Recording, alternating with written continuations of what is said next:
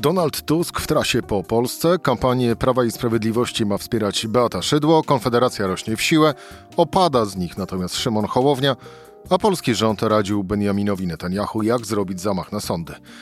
Przed nami kolejny tydzień w polityce. Postaramy się w rozmowie z Michałem Szulżyńskim wszystko poukładać w jedną całość. Rzecz w tym, że taki był dzień. Cezary Szymanek, zapraszam na codzienny podcast Rzeczpospolitej. 27 dzień marca, poniedziałek, Michał Szulżyński, Rzeczpospolita. Dzień dobry. Dzień dobry, Cezary, dzień dobry Państwu. To zacznijmy wpierw od e, tego ostatniego e, tematu, bo można było poczytać w social mediach, szczególnie głosy y, z opozycji, które y, mówiąc, mówiąc bardzo potocznie, y, politycy opozycji zazdraszczali Izraelowi społeczeństwa, że jest w stanie się tak zmobilizować w obronie niezależności systemu sprawiedliwości, czyli sądów. Tymczasem dziś z rozbrajającą szczerością minister Jabłoński, czyli Ministerstwo Spraw Zagranicznych, przyznał, przyznał, że tak, owszem, Benjamin Netanyahu konsultował się e, z polskimi władzami, polskimi politykami Prawa i Sprawiedliwości, jak ów zamach na e, sądy przeprowadzić. Towar eksportowy? No, taką tezę postawiłem w, w komentarzu na stronie RPPR. Y, ale mam wrażenie, że sprawa jest trochę poważniejsza, dlatego że mm, jesteśmy w tej chwili świadkami w Izraelu olbrzymich protestów. Wszyscy obserwatorzy mówią, że w historii nigdy czegoś takiego jeszcze nie było. E, Co też zadaje kłam, wejdę ci w słowo, zadaje kłam tezie, że y, trudno zebrać społeczeństwo w proteście przed przeciwko zmianom, które są dla społeczeństwa niezrozumiałe. Bo tak między innymi w Polsce mówiono, y, gdy były u nas y, protesty przeciwko y, zamachowi na sądownictwo. I tak i nie, dlatego że sytuacja w Izraelu jest bardzo podobna, ale też trochę inna.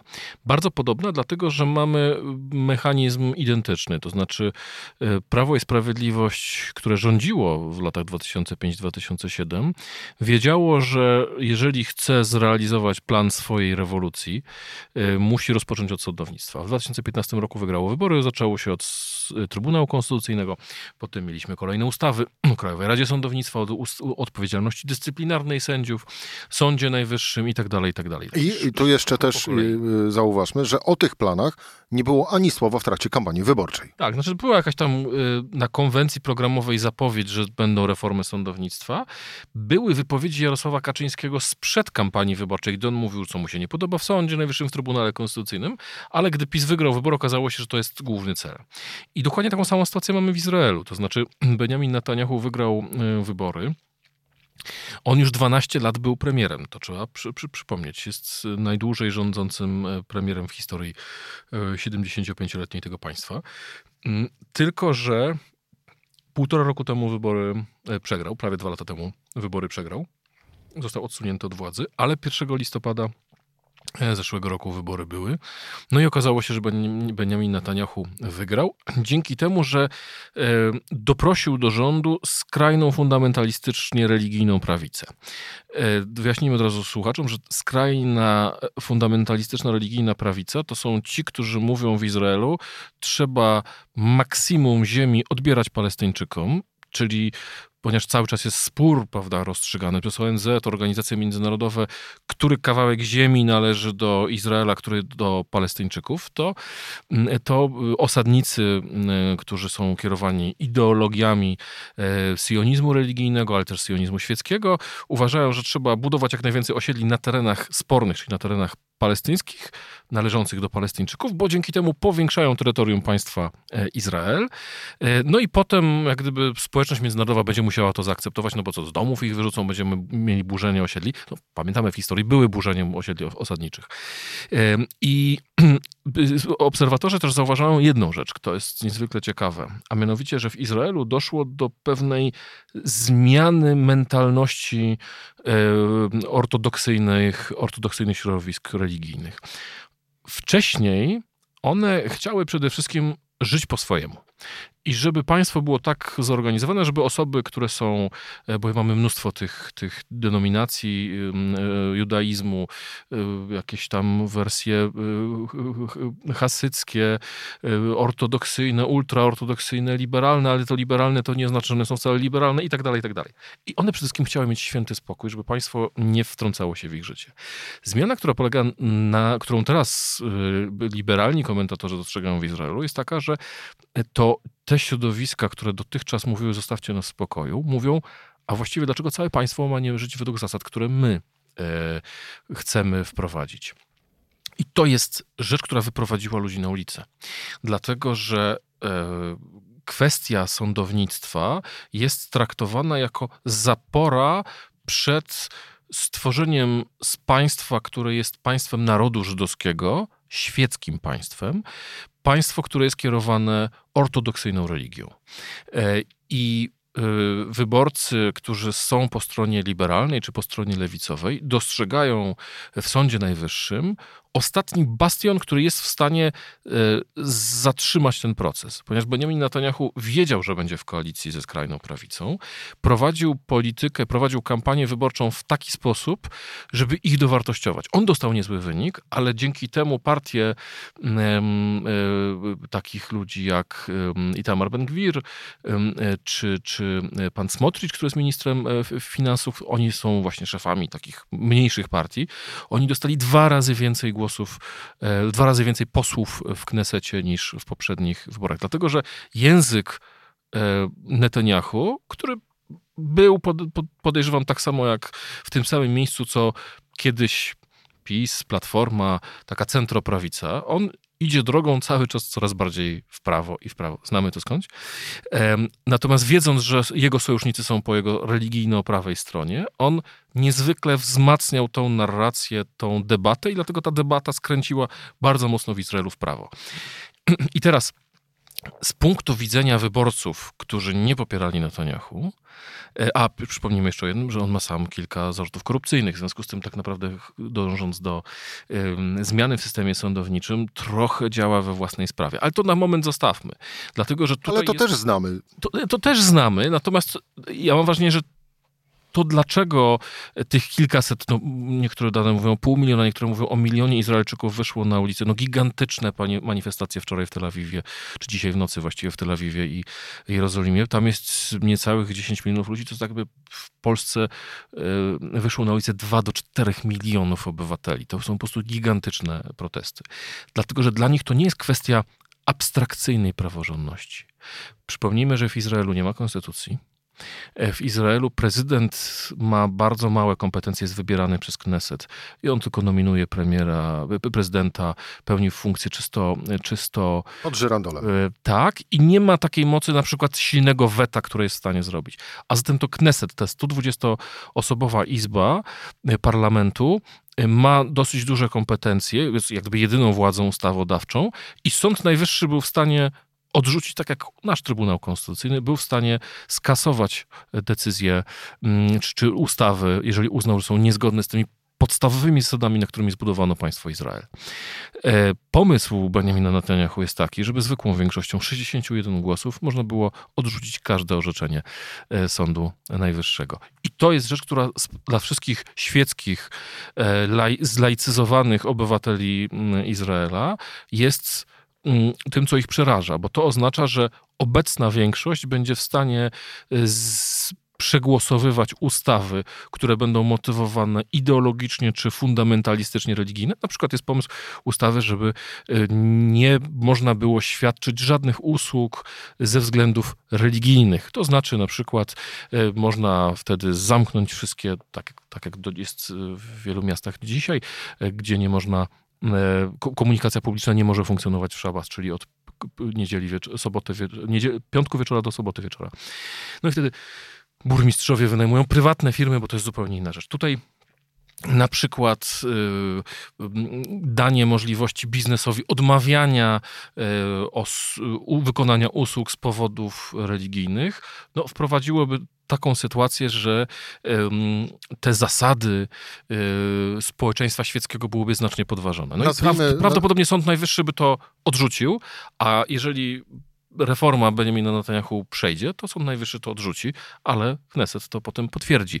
A zatem ci ludzie bronią świeckości swojego państwa i uważają, że to jest, mimo że sam Benjamin Netanyahu nie jest przedstawicielem skrajnej prawicy, ale że dojdzie do rewolucji w tym kraju, jeżeli dojdzie do, jeżeli, jeżeli, jeżeli się nie zatrzyma tych reform. Więc oni walczą o coś niezwykle namacalnego, a nie o abstrakcyjną praworządność. No ale widzisz, z drugiej strony tak naprawdę było naście, by nie powiedzieć dziesiąt przypadków od 2015 e, roku w Polsce, bo wracamy do, e, do kraju nad Wisłą, e, było mnóstwo tych przypadków, gdzie przekonywaliśmy się wszyscy, że owa, no właśnie, abstrakcyjna praworządność to nie jest coś, co jest abstrakcyjnego, tylko to jest na przykład kierowca Seicento, wypadek e, Beaty Szydło. E, to są e, różnorakie, podobne gdzieś orzeczenia sądów. To są sędziowie, na przykład sędzia Igor Tuleja, którzy nie mogą orzekać i są, są represjonowani. No i rodzi się podstawowe tak naprawdę pytanie, jakich jeszcze Polacy potrzebują przykładów, dowodów na to, że zmiany w wymiarze, y, w wymiarze sprawiedliwości, zmiany w polskich e, sądach, no to jest właśnie, no w tej chwili możemy już to y, powiedzieć y, otwarcie, bo sami się ministrowie przyznali, że to nasze zmiany były wzorcem dla tych, dla tych w Izraelu co jest w stanie spowodować, że Polacy, jeżeli nie na ulicę, to gremialnie wyjdą i dają, dadzą wyraz swojemu, swojemu zdaniu bądź też oglądowi sytuacji przy urnach wyborczych. No, to jest dobre pytanie, dlatego że może mamy tutaj do czynienia z sytuacją e, żaby wolno gotowanej, tak? To znaczy, e, ponieważ e, premier Netanyahu wrzucił żabę do gorącej wody, to natychmiast wyskoczyła. Tak? Natomiast w Polsce to było jednak na zasadzie, no tutaj jedna zmiana, tu druga zmiana, tak? Potem mieliśmy ustawę kagańcową i każda z tych zmian sama w sobie, no może byłaby jakaś do wyjaśnienia, to jest ulubiony zresztą argument polityków Solidarnej Polski, że przecież o tutaj ta zmiana w sądownictwie jest taka sama jak w Niemczech, a, mhm. a, tutaj system jest podobny jak w Hiszpanii. A takie rozwiązania są w Kanadzie, a przecież Kanada jest demokratycznym krajem. A takie rozwiązania są w Austrii i nikt nie protestuje. No i tutaj jest takie bardzo ładne sformułowanie, a mianowicie, że no, tak samo było z Frankensteinem. No, były różne części ciała, ale jak zszyto je, um, zszyto je w jedność, to powstał po prostu potwór. No i dokładnie tak samo jest z polskim, z polskim systemem i dokładnie tak samo jest z systemem um, izraelskim. Polecam, niedawno mieliśmy tekst wybitnego amerykańsko-żydowskiego prawnika e, pana George'a Weilera, e, który który opisał na łamach plusa minusa tekst o tym, jak wygląda ta debata o sądownictwie w, w, Izraelu. Natomiast, mm, więc może to jest kwestia właśnie tej żaby, że jak się wolno gotuje, te zmiany wprowadza po kolei, to społeczeństwo nie ma takiego wrażenia. Ale też y, wydaje mi się, że kwestia jest. Y, kwestia tutaj jest inna. To znaczy, e, nigdy, przypomnijmy, jakie były sondaże dla Platformy Obywatelskiej y, w momencie, gdy gdy były protesty organizowane przez Komitet Obrony Demokracji. No, Platforma wtedy miała poniżej 20% to była rzecz, która nie mobilizowała polskich wyborców opozycji. Bo to, że sympatycy PiSu uważają te reformy za konieczne, no to okej, okay, no to, to, to, to jest. Tylko pytanie, czy ten argument drugą stronę mobilizował. W Izraelu okazało się, że to niesamowicie mobilizuje, ponieważ to jest to, o co wiele ludzi walczy, czyli właśnie o tą świeckość, świeckość państwa. Dlatego na przykład protesty pojawiły się w armii. Żołnierzom nie wolno protestować, nie wolno strajkować, a mimo to piloci um, niezwykle prestiżowych jednostek, które były szkolone do tego, żeby na przykład w sytuacji zagrożenia jądrowego zaatakować Iran, e, z 40 pilotów 36 powiedziało, że nie będzie służyć w sytuacji, gdy przejdzie ta e, ustawa, ponieważ oni ślubowali e, wierność demokratycznemu świeckiemu państwu, a nie państwu fundamentalistycznie religijnemu. E, więc to były takie rzeczy, które się no, zupełnie u nas nie działy. No, powszechny strajk wszystkich uniwersytetów w Izraelu. E, to, co mamy do, z czym mieliśmy do czynienia w poniedziałek rano, czyli dogadały się związki zawodowe, największe związki zawodowe z największymi organizacjami pracodawców i wszystko stanęło.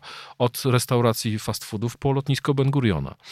E, I, i to, to jest taka no, niesamowity element, e, element kuli śnieżnej, ale ja mam wrażenie, że w ogóle te protesty w Izraelu są niezwykle ważne z punktu widzenia, nie chcę tak mówić górnolotnie, ale no, przyszłości naszej cywilizacji.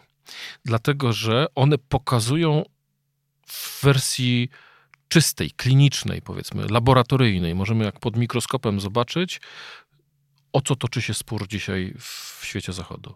To jest spór wizji demokracji nieliberalnej z demokracją liberalną. Z demokracją liberalną rozumianą jako system, w którym owszem obywatele głosują, ale istnieją różne instytucje, które gwarantują, um, które gwarantują pewną spoistość państwa. Są bezpiecznikami. Są pewnymi bezpiecznikami. E, czyli właśnie na przykład sędziowie, którzy nie są wybierani w wyborach parlamentarnych i to nie posłowie czy, czy, czy ministrowie decydują, kto zostaje sędzią, a kto nie.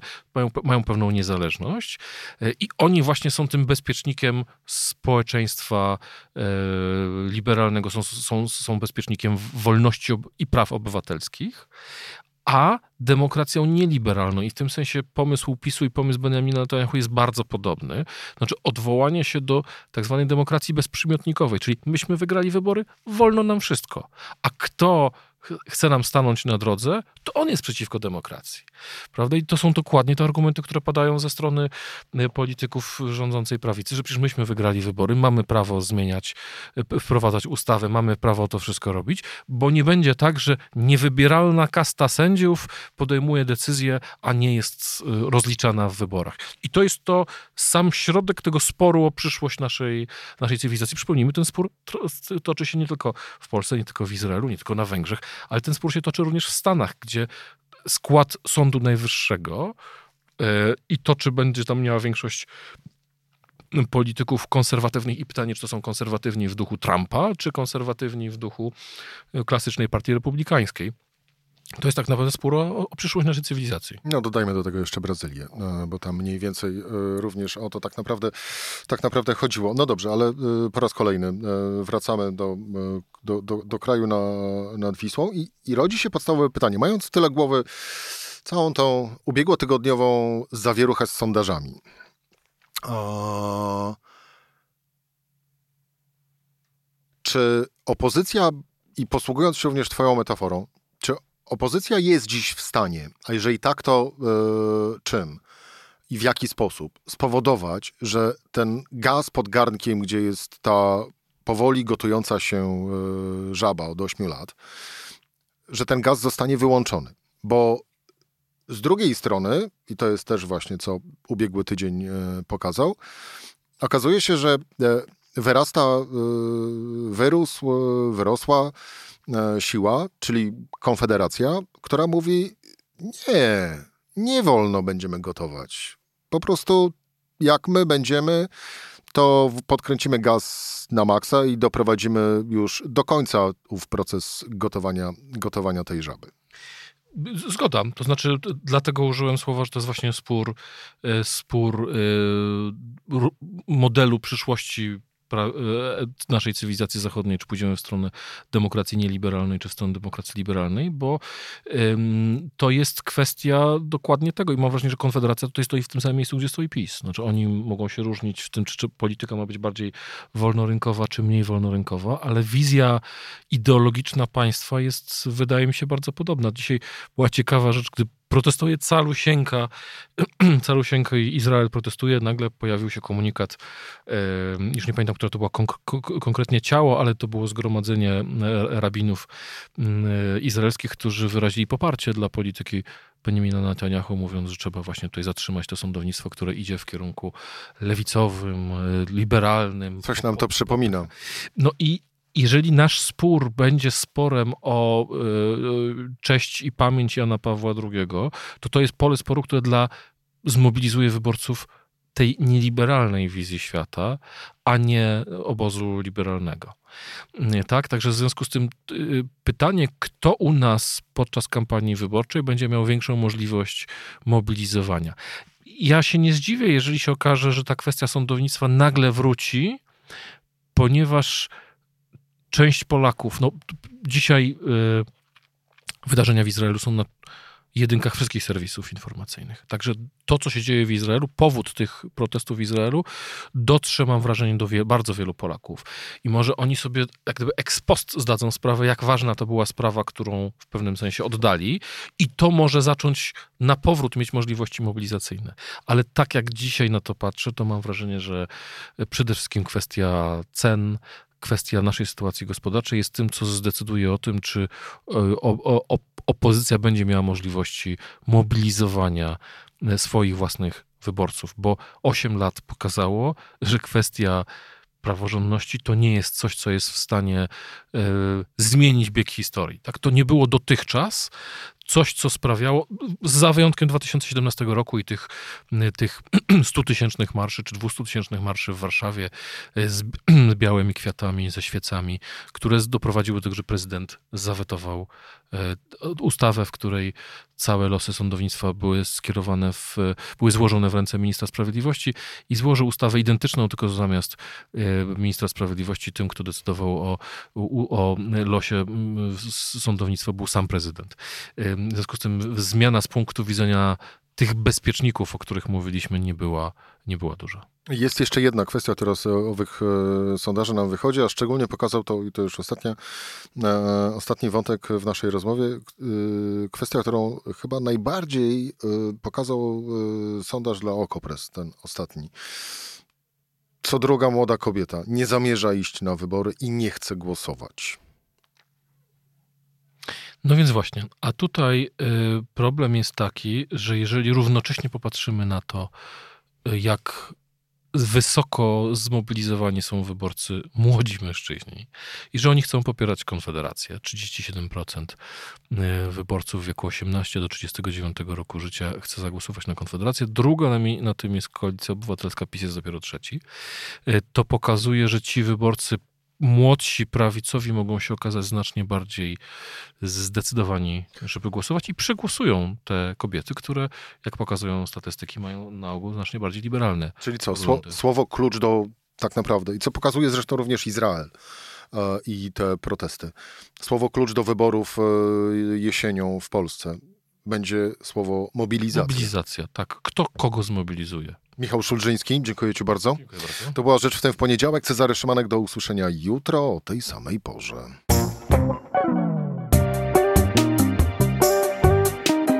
Rzecz w tym to codzienny program Rzeczpospolitej. Od poniedziałku do czwartku o godzinie 17. Słuchaj na stronie podcasty.rp.pl. Włącz Rzecz w tym w serwisie streamingowym.